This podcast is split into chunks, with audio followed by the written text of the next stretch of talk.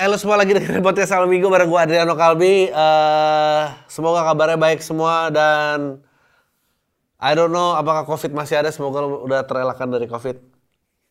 Jadi sebetulnya COVID tuh bagaimana sih? Siapa sih yang harus bertanggung jawab atas COVID ini? Apa katanya udah ketahuan bahwa COVID itu COVID itu katanya eh, dari lab gitu ya. Dan katanya vaksin mestinya menghentikan penyebaran, ternyata enggak. Jadi mestinya tuh vaksin apa enggak, katanya my body my choice. Tapi when it comes to COVID vaccine lo bukan your choice. I don't understand. Apakah katanya eh, Kanjuruan kemarin eh, dimulaikan sidang online-nya ya bagus lah. Someone has to claim, someone has to gue udah bingung nih gue mau bahasa Inggris bahasa ini. Seorang tuh harus bertanggung jawab atas ini kalau emang ini ternyata dibuat di lab. Dan gue nggak tahu. Anjing tapi emang udahlah. Gue menunggu kapan deklarasi bahwa sosial media tuh berbahaya gitu bagi umat manusia. Karena orang-orang yang dulu nggak mau vaksin ternyata ada benernya juga ini yang gue paling takutkan dalam komedi sekarang gitu. Lu tuh nggak bisa sekarang mengambil satu sisi karena lu ngeri bahwa sisi yang lu ambil tuh belum tentu permanen gitu. Bisa ya ternyata anjing ternyata dia nggak salah-salah banget anjing. Gue juga jadi anjir. Gue gue di vaksin pertama gue vaksin satu dua kan AstraZeneca kan. Dan vaksin gue AstraZeneca itu ada yang mati coy. Dan itu kan gue ketakutan ya anjing kalau gue yang mati gimana? Karena gue demam tiga hari sampai gue baca orang itu mati gara-gara mau ke dokter nggak jadi pulang kerokan meninggal. Gue baca itu lagi kerokan ya Allah. Gue takut banget. Gue takut untung gue nggak mati. Eh, dan gue udah dalam ketegangan kayak keluarga gue nggak mau vaksin. Karena nyokap gue ya udah umur dan dan ada penyakit bawaannya.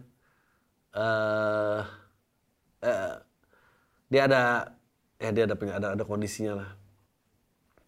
Tapi sebetulnya gua rasa kalau tanpa kondisinya dia memang pengennya nggak vaksin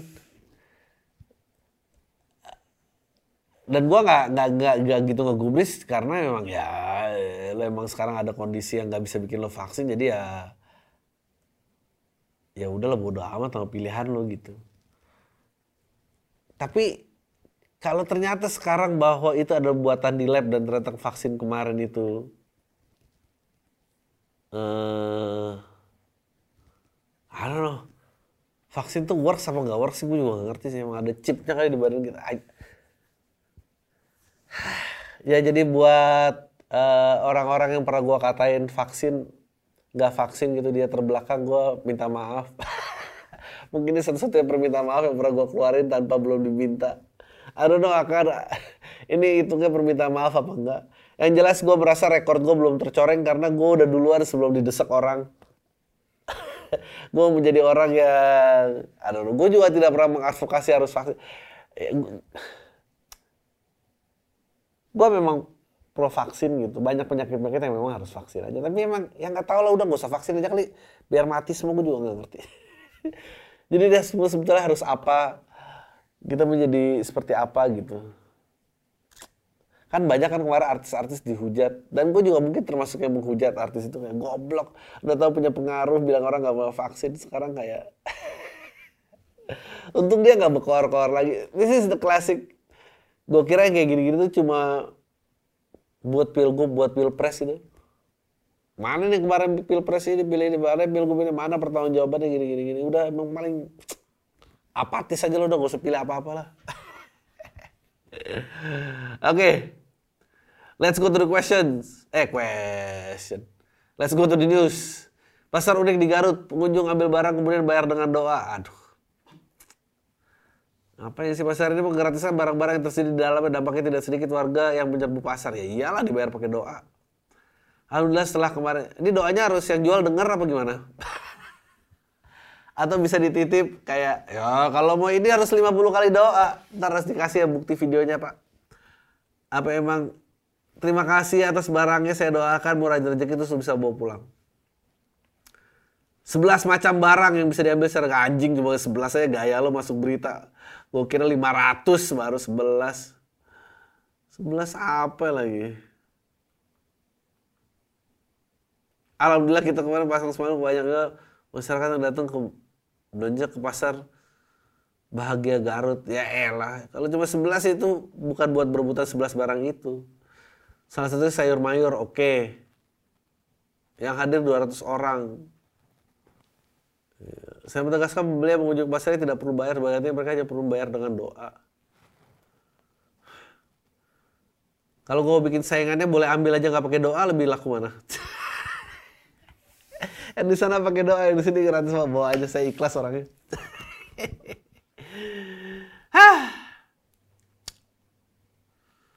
Viral militer Amerika Serikat jajan somai dan batagor di Bandung. Kang Emil semoga jadi jajanan mendunia. Anjing norak. Tentara Amerika Serikat batagor dan somai saat mengikuti latihan bersama. Ya ampun sakit perut nggak habis ini awalnya saya khawatir mereka sakit perut ya kan mereka dedeinan kecanduan berharap bisa mendunia anjir. Batagor, one Batagor. Uh, no pare, please no pare. Di pencak silat batik angklung warisan mendunia. Batik bukannya punya Malaysia. Mendunia gimana orang dia diambil orang. Silat angklung banget dia mikirkan nama yang cocok untuk dibuat somai dan batagor lebih internasional. Tadi yang muncul namanya biar lebih mendunia dan viral. Ya iyalah batagor aja belibet semua nyebut men. Kebun bayam tak sengaja ditumbuh haji. Wah ini seru nih. Kebun bayam tak sengaja ditumbuhi kecubung bikin 200 orang ngefly gokil. Kerap disamakan efek samping saat mengkonsumsi ganja. Ini di mana sih kebunnya? Ini baru nih diserbu tadi lebih ramai daripada pasar yakin gue nih. Oh di Australia. 200 orang kan? Oh, 200 kasus telah dilaporkan sama emang. Gokil. Alih-alih berminat makan sayur upaya sehat, 200 orang harus menimpa akibat makan zat berbahaya. Merupakan gulma bagi tanaman bayam. Tak heran mereka tak jeli. Petani sesengaja ini gokil. Sayur bayam bumbu kecubung gokil.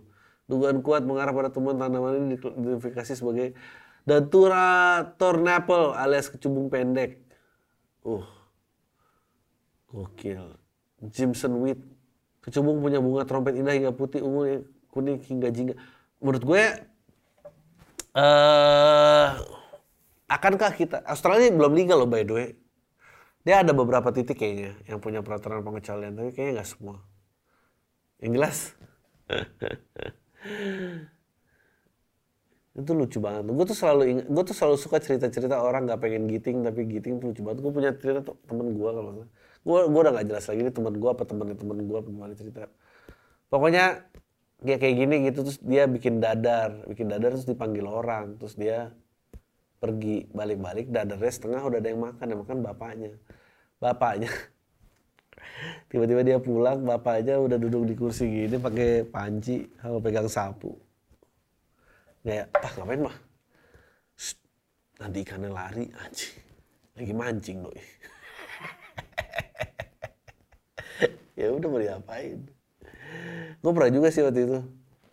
Anjing kenapa gue jadi cerita? Nggak nggak jadi deh ntar gue di, jadi barang bukti. Intinya halusinasi lah. Bukan gue sih waktu itu. Gue cuma sebagai pengaman anjing gue tuh menjadi pengaman orang mulu di parkiran lagi diem-diem aja karena deru mesin pak jadi halusinasi tiba-tiba orangnya keluar ngapain lu keluar ada yang minta tolong waduh nggak ada orang di situ anjing Dikira sudah naik mobil, wanita ini tinggal suaminya dini hari di hutan. Nah ini mah emang pengen ditinggal.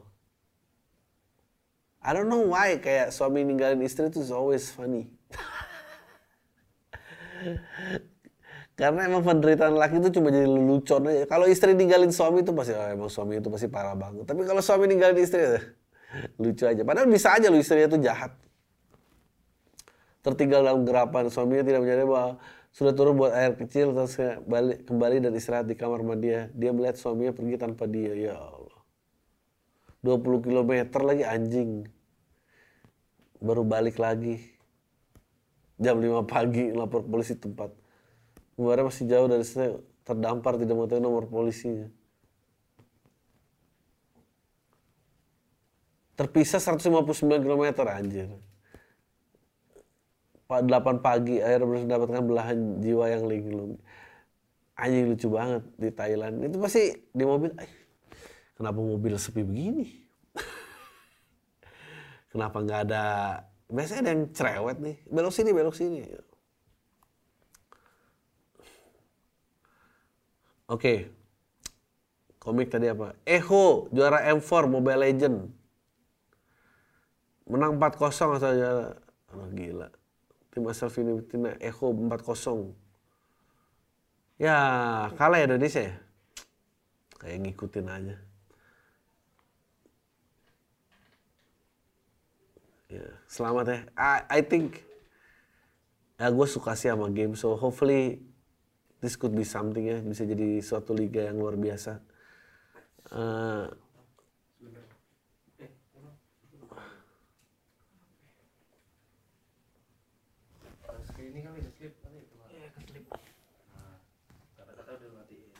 dah, nggak apa-apa. Ntar juga.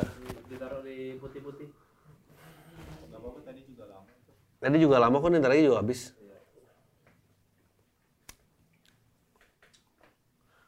Bagus baju lo. Baju lo bagus. Tintin nih. Emang lo baca Tintin? Lo masih, eh, lo ngikutin Tintin gitu? Kartunnya gitu SMP, SCTV. Emang ada kartu di TV? Ada. Oh, keluar ya dia. Jam Oh, iya, zaman kapan iya. tuh?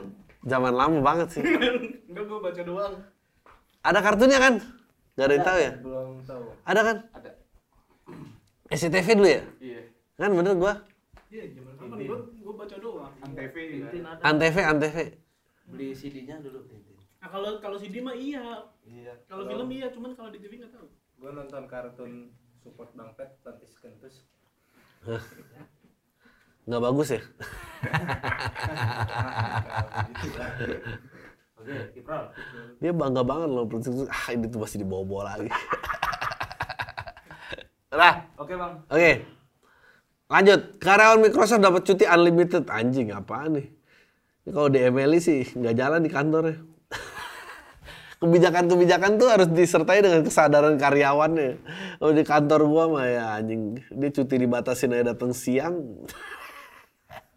Tidur siang di kantor apa dikasih cuti unlimited nggak ada yang nongol nyong. Ya cuti tidak batas. Tapi nggak tahu ya. Tapi emang I, I don't know. Gua nggak tahu gimana lu semua. Eh, kan tuh mulai kerja dari tahun 2005 ya dan kerja di tahun 2005 aja tuh berbeda banget sampai 2008. 2005 tuh lu kerja harus ke kantor karena ya lu mulai bisa terima email di handphone tapi lu nggak bakal bisa baca mulai dikit lah yang bisa nyeting email. Tapi begitu ada BlackBerry, itu emang aturan bekerja di kantor dan jam kerja tuh emang udah jadi nggak meter sih karena sekarang lu bisa balas email di handphone. Gua nggak ngalamin kerja sebelum era email nggak ngalamin, tapi ngefax eh yang jadi kayak minutes of meeting tuh masih di fax tuh gue masih ngalamin. Tapi ngefax juga di email juga anjing gunanya apa nih? Eh terus BlackBerry. Sekarang emang kerja tuh kayak eh, mungkin industrinya aja kali, mungkin masih banyak kayak kalau di kelurahan mungkin gak gini. Gue sosok mau pukul rata aja. Ter- terutama di bagian-bagian startup dan swasta gitu kayaknya oh ya open space gitu-gitu. Gue malah nggak bisa kerja sih kayak gitu sejujurnya. Banyak orang men. PSI eh, kayak gitulah.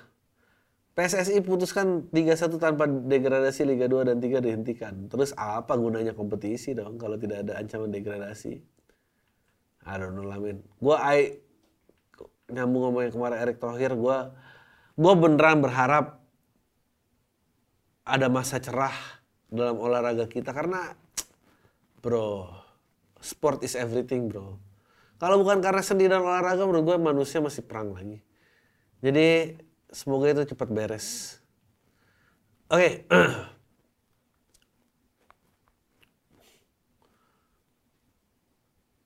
Oke. Eh, Assalamualaikum, Waalaikumsalam. Halo Bang Adri, jangan sebut nama saya. Sudah lama nggak belum dengerin PAM. Lagi cuma kayaknya harus balik konsultasi ke sini biar ada tempat sharing yang pas buat saya juga. Jadi gini Bang, saya lagi bingung soal kerjaan usia 25 tahun. Saya kerja di bidang logistik Jakarta yang udah jalan mau 3 tahun. Oh hebat banget. Jam kerja dari 8 sampai jam 5. Malamnya lanjut kuliah baru semester 3. Gokil. Ini baru hustler.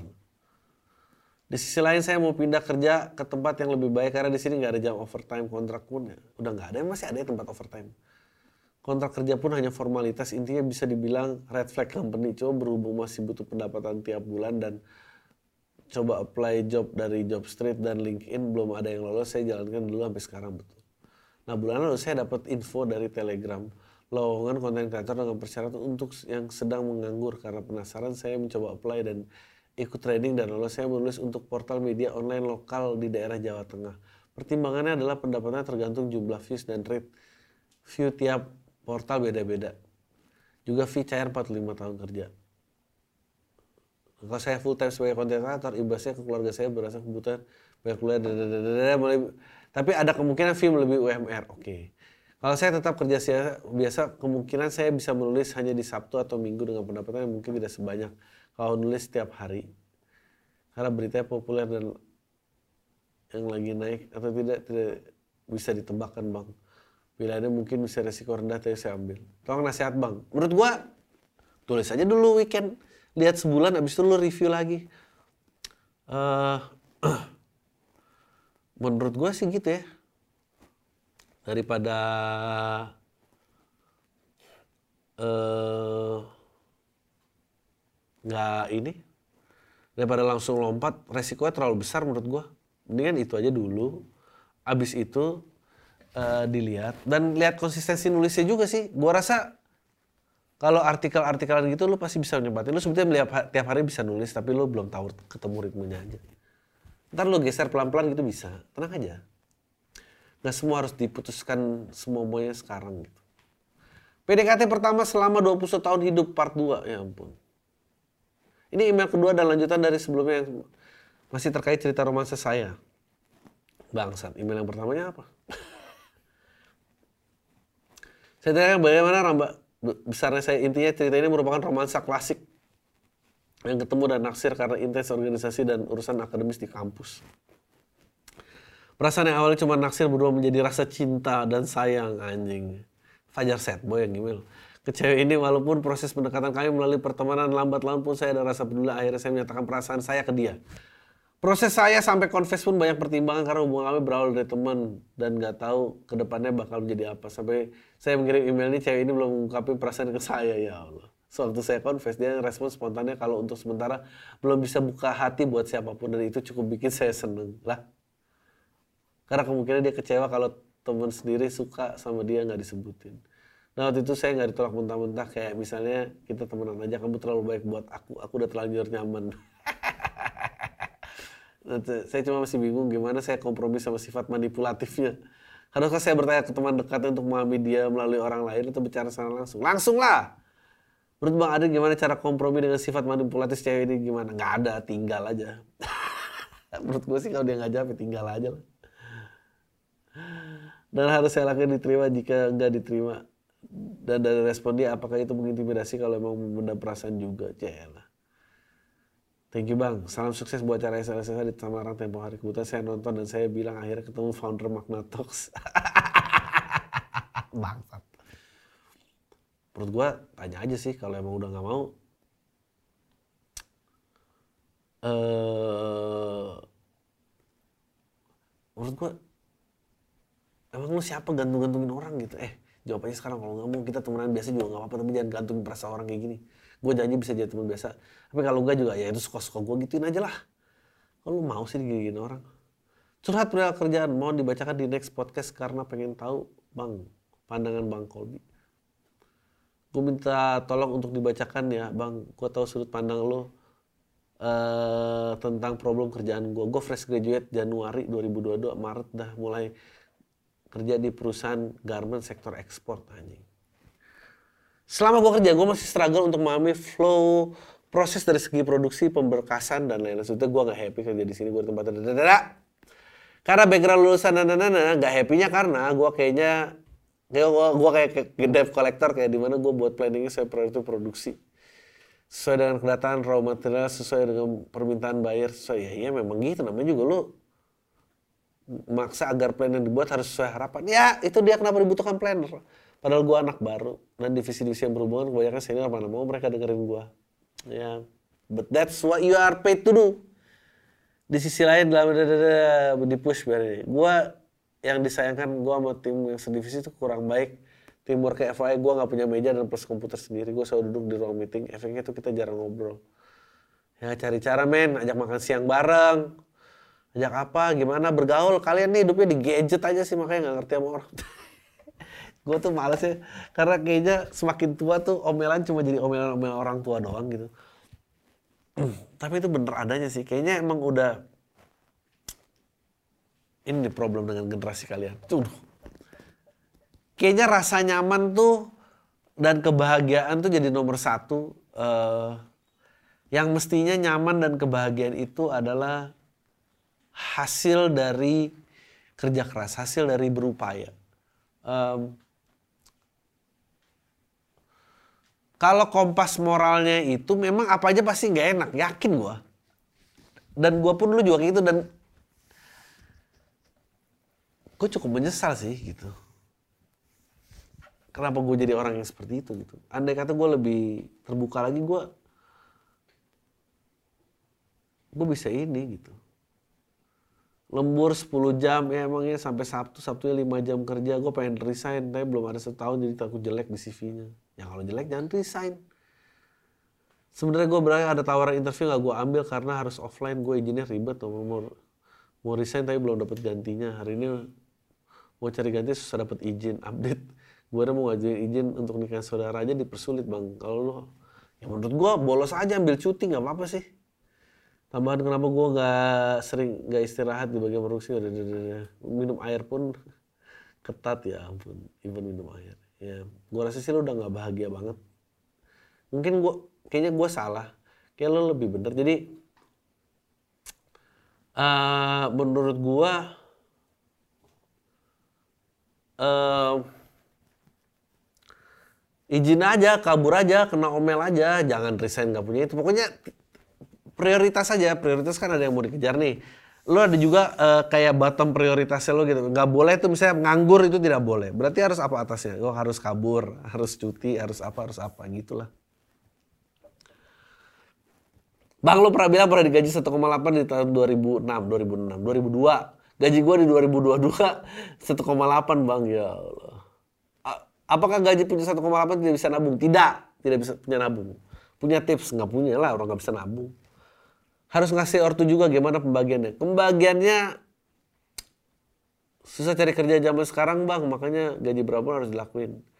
Ah, pembagiannya sih gue nggak tahu 10 persen. 1,8 ya 200 ribu lah. Gak apa-apa sih menurut gue.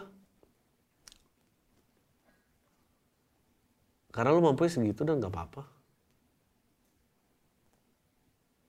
Ya udah itu aja sih. gue kalau dikatain atau dikomentarin ini itu biasa aja bang sama temen gue gak kenal juga gue biasanya. Cuma kalau ortu gue yang ngomong gue gampang marah banget dan yang gue benci ketika gue marah gue nggak bisa ngontrol diri gue sampai mukul-mukul bang. Nggak sampai mukul-mukul cuma toksik aja gue kalau nongkrong nggak suka sama temen gue bercandain nggak sampai marah cuma beda. Tapi kalau ortu gampang marah banget. Ya gimana pun juga kita lahir dari orang uh, kita lahir dari rahim mereka jadi mereka tahu yang cara men-trigger kita gimana ya tapi lo harus cari cara biar lo bisa uh, lebih baik gitu memanage emosi lo deg-degan ke pacar bukan karena suka karena nafsu nggak Uh, bah, gue listener asal Medan, gue mau cerita tentang pacar gue yang sekarang. Yang mana gue baru pertama kali pacaran dan pacarnya gue termasuk anak organisasi yang gak resmi di kampus bang. Karena organisasi yang dimasukinnya terlalu rebel bang. Si cewek ini yang pacaran sama gue, gue ada nggak, gue nggak ada rasa sama sekali bang. Gaya lo. Kalau gue pacaran juga dia yang nembak bang gitu. Gue itu terima gara-gara gue takut nolak nih anjing. Gue takut sama kakak tingkat, kakak tingkat. Gue udah tahu kating tuh kakak tingkat kakak tingkat tingkat yang satu organisasi takutnya gue dibilang aneh-aneh takut gue orang satu organisasi dia dan dia nggak enakan karena udah berapa tugas gue dikerjain sama dia bang. Gue minta saran lu bang. Gue harus ngapain sama cewek biar dia jauhin gue anjing. Tanpa gue kena masalah. Di dunia kampus bang. By the way gue semester tiga bang. Baru tahu dunia kampus sejak luring bang. Ya lu bego udah diterima ya udah pasti kena masalah lah. Menurut gue eh ya lu udah telat sih. Sekarang mah udah bohong aja sampai ujung. Bohong sampai ujung aja. Atau keluar dari organisasi lah. Dan pacaran sama orang lain patah tulang dikira mati ya Bang, ini email pertama gue semoga lo bacain sekitar 9 bulan lalu gue celaka bang tabrakan sama truk di siang bolong gokil. Beruntung ya bareng gue nggak ada yang berdarah, cuma paha gue doang yang patah. Gue masih kejak ingat kejadian itu. Jangan-jangan itu gue banyak pingsan. Namun gue masih denger sih dan ingat ada warga yang nyamperin terus sosokan ngerti gitu bang. Ngasih penanganan pertama dengan cara pegang hidung, cek napas tentu nggak berhasil bikin gue sadar. Nah sialnya si bangsa itu main vonis sepihak. Udah bilang ke warga sekitar jalannya itu bahwa gue udah mati dan gak ada tanda-tanda napas anjing. Dan pergerakan, padahal gue masih denger bang, walaupun masih pingsan gak bisa bangun. Alhasil, warga pada percaya lah bang kalau gue mati sampai badan gue dianggurin di pinggir jalan ditutupin daun pisang. warga sekitar malah jadiin gue tontonan bang gak ada yang berani lapor polisi atau deketin gue karena takut jadi saksi buat polisi. Beruntungnya dua jam kemudian ambulans lewat situ bang. Dan gue yang kegeletak di pinggir jalan. Cuma warga masih cuek nggak berani stopin karena takut jadi saksi itu bang. Singkat cerita, gue berhasil bangun dengan badan yang lemes dan kaki yang bengkok karena tulangnya patah. Goblok ada warga spontan. Astagfir, saya kira mati mas. Di situ gue sebenarnya pengen nonjok bang, tapi karena nggak ada tenaga nahan sakit yang minta ampun dan rawan pingsan juga karena lemes ketawa. ketawa gue ketawa aja, eh malah spontan ketawa semua bang. Mereka kira lagi nonton debus. Oh ya gue By the way, jalur alternatif bang nggak operasi karena BPJS nggak klaim biaya. Beberapa bulan kemudian tulang gue udah numbuh kalus walaupun masih lumpuh nggak bisa mana boker pun di pispot. Untungnya pacar gue setia bang dia rela cebokin gue pakai tisu doang bang. Anjing. Mana habis itu harus bersihin tai di pispot lagi sehingga cerita gue sekarang udah terapi jalan dikit-dikit gak jadi cacat. Habis gue tabrakan motor gue dibenerin sama bokap cewek gue bang dengan uang yang gue kasih buat ganti ini itu. Motor udah beres namun siang motor itu di sekolah sama bokap cewek gue tanpa persetujuan gue aja digadein motor lu anjing banget deh. Anjing goblok banget sih. Gue lagi butuh banget bang buat sekedar makan beli makan atau jalan jauh menurut lu gimana bang? Cara enak buat bokap cewek gue kalau tahu gue lagi butuh tanpa merendahkan dia. Gue kasihan ke cewek gue bang malah dia ngerasa salah bokapnya kayak lempeng-lempeng aja. Anjing lu marahin lah bapak eh om. Gue udah marah nih om. Gue udah marah om. Tadi di gue pernah ditabrak disangka mati nih. Lu gue masih hidup lu gadein motor gue goblok banget lu. Nggak bisa sih itu pasti ngeredahin mau gimana pun juga. Oke gue coba gabung di komunitas gitu bang. Dibentuk di grup WA dan Facebook tentang komunitas tersebut. Gue masuk komunitas itu sekitar dua bulan terakhir setelah terbentuk. Gue nabung gue gabung di komunitas sekitar empat tahunan lebih lah. Oh. gue ikut grup kita masih bebas-bebas saya bicara. Saya cukup dekat dengan beberapa admin di Facebook. Akhir-akhir ini kan sering ada tuh grup-grup di ban oleh Facebook. Karena dianggap melanggar peraturan gitu. Di sisi lain admin baru mulai bertambah oleh orang-orang baru. Setelah saya orang baru ini baru satu tahun terakhir masuk ke grup tersebut. Karena Facebook sering melakukan ban dalam grup, jadi dibuatlah peraturan baru dan diusulkan oleh admin baru ini. Di antara peraturannya terus cetuslah dilarang menyinggung. Terus gue memprotes menanyakan bagaimana kita tahu kalau kalimat yang disampaikan itu menyinggung orang lain. Admin baru ini tidak bisa memberikan jawaban, dia hanya bilang ini sudah peraturan grup yang disepakati bersama. Terus gue bilang, sebutkan nama admin yang menyepakati peraturan ini. Dan di kolom komentar saya dikematikan, goblok. Terus gue di chat lewat WA beberapa admin dengan pertanyaan yang sama. Dan, dan jawabannya, ini sudah peraturan dari Facebook. Terus gue tanya, terus mana peraturan Facebook yang menuliskan dilarang menyinggung? Gak ada yang jawab. Sejak itu saya keluar komunitas. dan tidak melakukan komunikasi lagi terhadap admin yang sudah cukup dekat selama ini. Gue ingat perkataan lo gue harus ganti temen di lain sisi gue berada di komunitas gue selalu merasa orang paling bodoh dalam ruangan banyak hal yang gue ambil tentang komunitas tersebut tapi kalau hak berbicara gue dilarang gue milik keluar Gue harus mencari teman baru yang bisa kembali membuat gue merasa orang paling bodoh dalam satu ruangan. Gimana menurut lu bang? Apakah tindakan dia sudah tepat? ya udah telat kan udah keluar Jong. Terima kasih banyak Bang Adri udah membaca emailnya terus saya terus dan pam jangan dikurangi lagi durasinya. Em, ya udah bener kayaknya nggak tahu juga gue. Gue nggak ikutan grup-grup men. Beneran gue cuma ikut tuh grup basket. Itu juga nggak banyak ngomong. I don't know. Grup WhatsApp gue cuma kerjaan. eh gue nggak suka nanya. Gue nggak pernah aktif dalam grup kecuali di mention. Ya. Lalu bikin grup terus ada grup jangan eh, dilarang menyinggung yang tinggalnya udah bener men orang-orang aneh.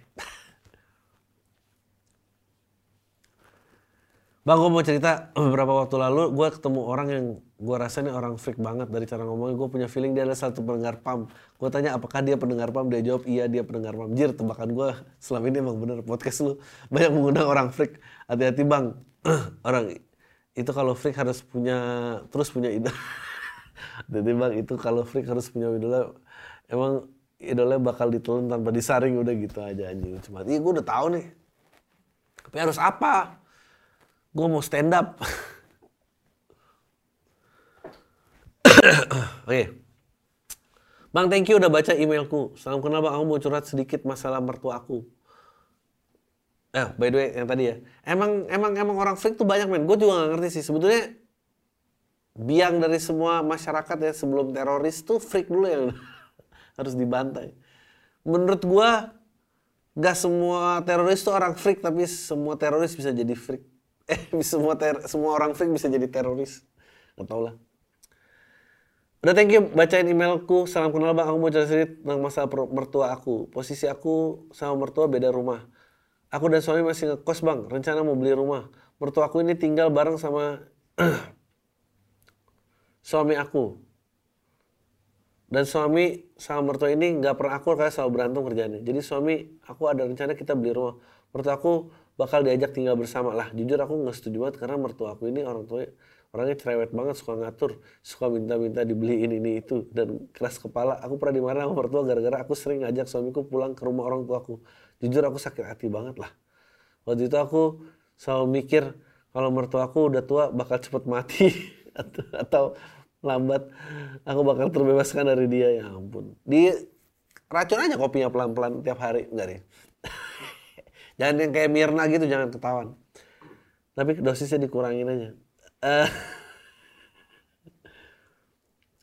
aku juga keberatan nggak juga keberatan ngasih uang dia tiap bulan karena dia nggak kerja. Pengennya aku teriak ke muka dia kontol anjing parah banget. Sebelum dia mati. Ini perempuan loh segini biar dia tahu rasanya dimaki itu nggak enak. Minta pencerahannya dong bang buat menghadapi mertua jahat kayak dia. Thank you bang saya terus. Eh kuncinya di suami lo sih. Suami lo di sisi lo apa di sisi mertua lo? Kalau kalau suami lu pindah dan ini menurut gua udah lo pegang suami lo aja. Tapi kalau misalnya suami lo belain mertua lo itu, that's when you're fuck. Oke. Halo bang, gue cowok 32 tahun, gue udah menikah domisili Jakarta, gue udah dengerin PAM saya 2017an di tahun itu gue baru aja kena pengurangan karyawan dan dapat kerja lagi di agensi desain kemasan di BSD nggak sengaja nemuin PAM karena banyak waktu kontemplasi di saat KRL. Gue minta pendapat lo dong, bahkan kayaknya gue lagi butuh dimarah-marahin. Maaf, tulisannya panjang, gue udah coba singkat semaksimal mungkin. Dari kecil gue hidup dengan ibu dan sepengetahuan gue, ibu udah menikah empat kali, gokil. Dari suami pertama dapat satu anak cowok yang meninggal di umur 24 karena OD. Suami kedua lahirnya gue dan adik cewek. Bapak kandung gue juga pergi saat gue umur 4 tahun, adik gue baru lahir. Ibu menikah lagi kelas 6 SD. Lalu cerai saat gue kuliah. Kemudian suami terakhir nikah siri di tahun 2020 dan baru aja cerai. Gokil. Singkat cerita, biar kecil sampai sekarang masalah di rumah nggak pernah ada habisnya. Gue coba meng-highlight beberapa masalah ya bang. Mulai dari drama, mulai dari drama rumah tangga ibu, kakak tiri, dan adik yang problematik terlilit utang sampai jual-jual rumah ke bank. Sering ribut dengan saudara-saudara ibu dan masih banyak lain lagi. Hah? Kakak tiri? Kan meninggal OD. Kakak tiri dari mana, Nyong?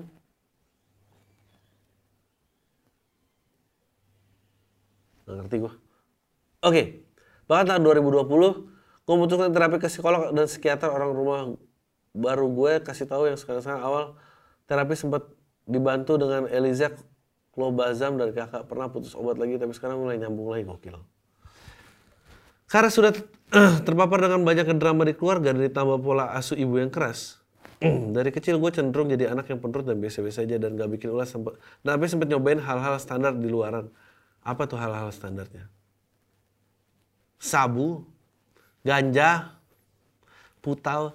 Gue masih punya kontrol buat menarik diri. Sampai lulus SD D3 gue udah mulai kerja di itu gue rutin ngasih bulanan ke ibu. Dari kecil gue terbilang cukup mandiri, segala hal gue handle mandiri. Tanpa guideline dari siapa pun, gue cuma mengandalkan internet dari sejak awal kerja pun gue pengen ngekos tapi gue nggak bisa ninggalin ibu dan adik cewek di rumah gitu aja. Namun permasalahannya sekarang gue udah menikah, jalan 2 tahun kontrak rumah di kebayaran lama. Ibu selalu diperlakukan Ibu selalu memperlakukan gue seperti layaknya masih dikontrol. Selama ini gue menganggap semua itu biasa.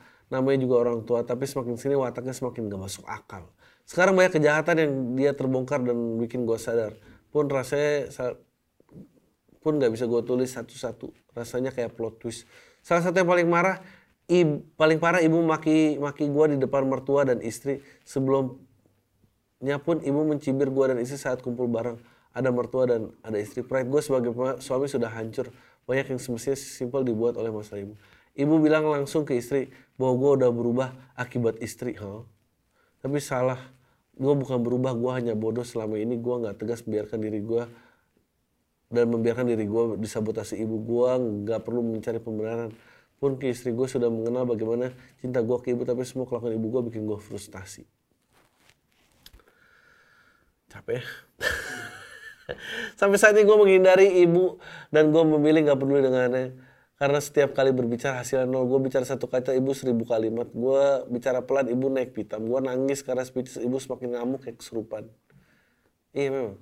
Setelah gue konsultasi ke psikiater, ibu gue itu NPD betul. Narcissistic Personality Disorder. Sekarang gue mau ambil keputusan untuk menjauh dari ibu. Gue nggak peduli lagi dikasih murka. Apakah keputusan gue sudah benar bang? Anjing. Lu, udah ke psikolog, lu nggak nanya ini ke psikolog lu daripada nanya gue. Bener menurut gua mah. Gak tahu tapi ya. Aku sudah di puncak kelelahan bang untuk menghadapi drama-drama begini. Dokter bilang aku sudah memasuki persistent depressive disorder. Padahal gua hanya mau fokus di depan benahin karir sebagai desain grafis dan berkeluarga.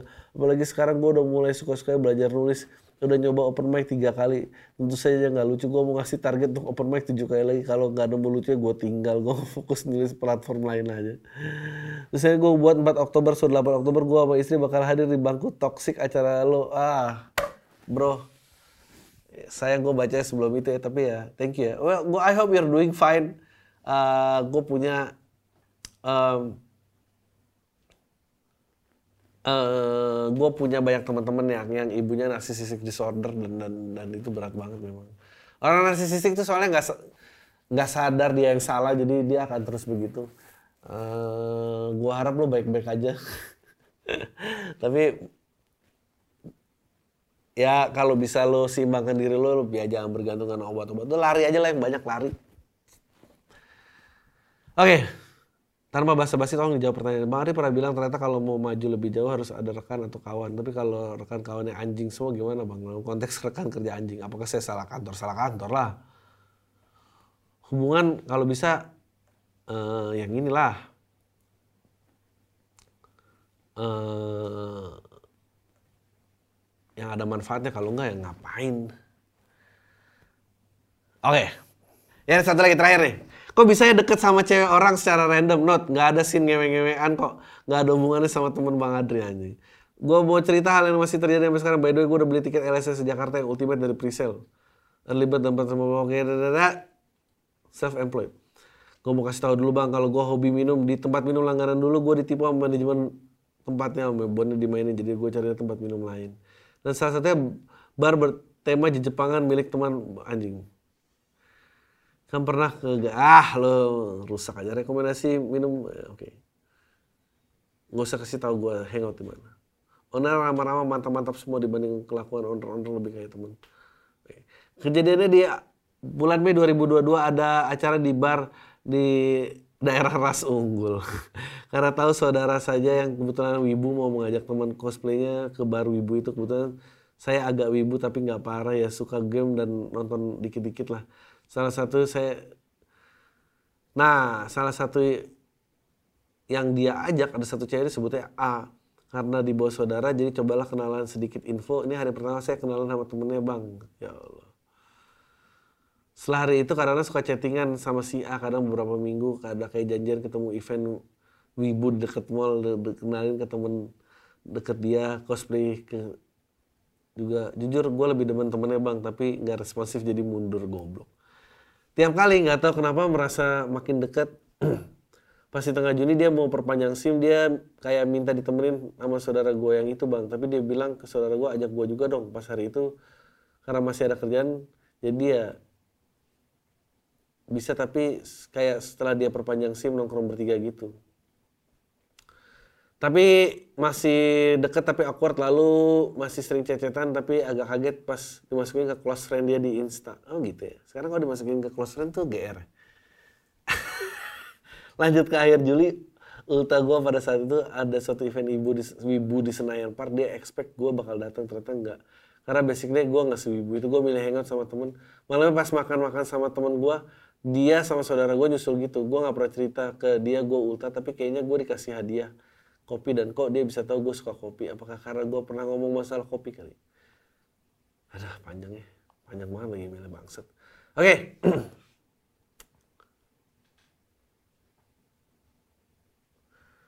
Di bulan depan ya ada suatu acara cosplay di campur jedak jeduk kayak Bob eh, bengkel SCBD acaranya berbayar kebetulan anak ini suka minum tapi nggak kuat-kuat amat. Ternyata dia kayak ngajuin free masuk bagi cosplayer dan dapat kalau dapat ya bisa bawa plus one. Dia ngajak gua berdua aja. Nah pas gue jemput gua di mobil dia kayak cerita masalah personal. Dia kayak dulu pernah di sexual harass sama temennya di event gua. Udah gua kenal lagi sama orangnya. Lalu kayak dia sebelah sama adanya dan lain-lain. Bahkan dia ada post seneng banget dijagain gue di event itu sampai kayak ada nama sebut nama gue setelah hari itu kayak gue misal masalah gue misal kesel post something di close friend dia masalah gitu. Lu kenapa? Dan jadi dengerin masalah gue gitu cek. Gue kenal beberapa bulan. Gue baru tahu dia punya cowok dari story close friendnya dia. Tapi lucunya dia kayak nggak ada foto sama cowoknya dan nggak ada story sama cowoknya. Itu sih gue cerita ke teman-teman gue mereka kayak ngetawain gue karena itu dianggap terlalu gimana ya. Kayak masih begitu, si A nih kalau ada event Wibu dan apa selalu mau bareng gua. Sering berdua doang di event Wibu di ini Tanjung Barat dia minta gua datang temenin dia gitu. Event ini chaos gua googling aja. Dia juga chat ada Iya ya, gua tahu lo deket apa. Dicium apa? Dicium gak nih? Nah, gitu. Sorenya gue liat dia storynya dia jual tiket gue chat dong tapi nyicil ya duitnya buat bisnis dia kayak nggak apa-apa silahkan dicicil belum lama ini, ini, ini, ini. oke nah gue jadi bingung nih bang oke dia dari cowok tapi kelakuannya saya nggak punya cowok. Dia juga main sama cosplayer kayak gitu. Menurut abang kenapa adik saya malah suka buat tikung aja. Ragu sih buat abang bang Andri gimana? Anjir. Menurut gue ya tes lah. Lu suka nggak? Kalau suka ya gas lah. Kalau misalnya ngambil cowok orang ya salah sendiri tuh cowok. Kenapa nggak kelihatan kayak punya pacar? Kalau dia mau ya udah mau sikat lah. Lu sok-sok bilang nggak kayak ada email check-in check-inan lu mau ngembat cewek orang. Sama aja. Udah aja. Itu aja dari gua. Tayo lu semua. Deh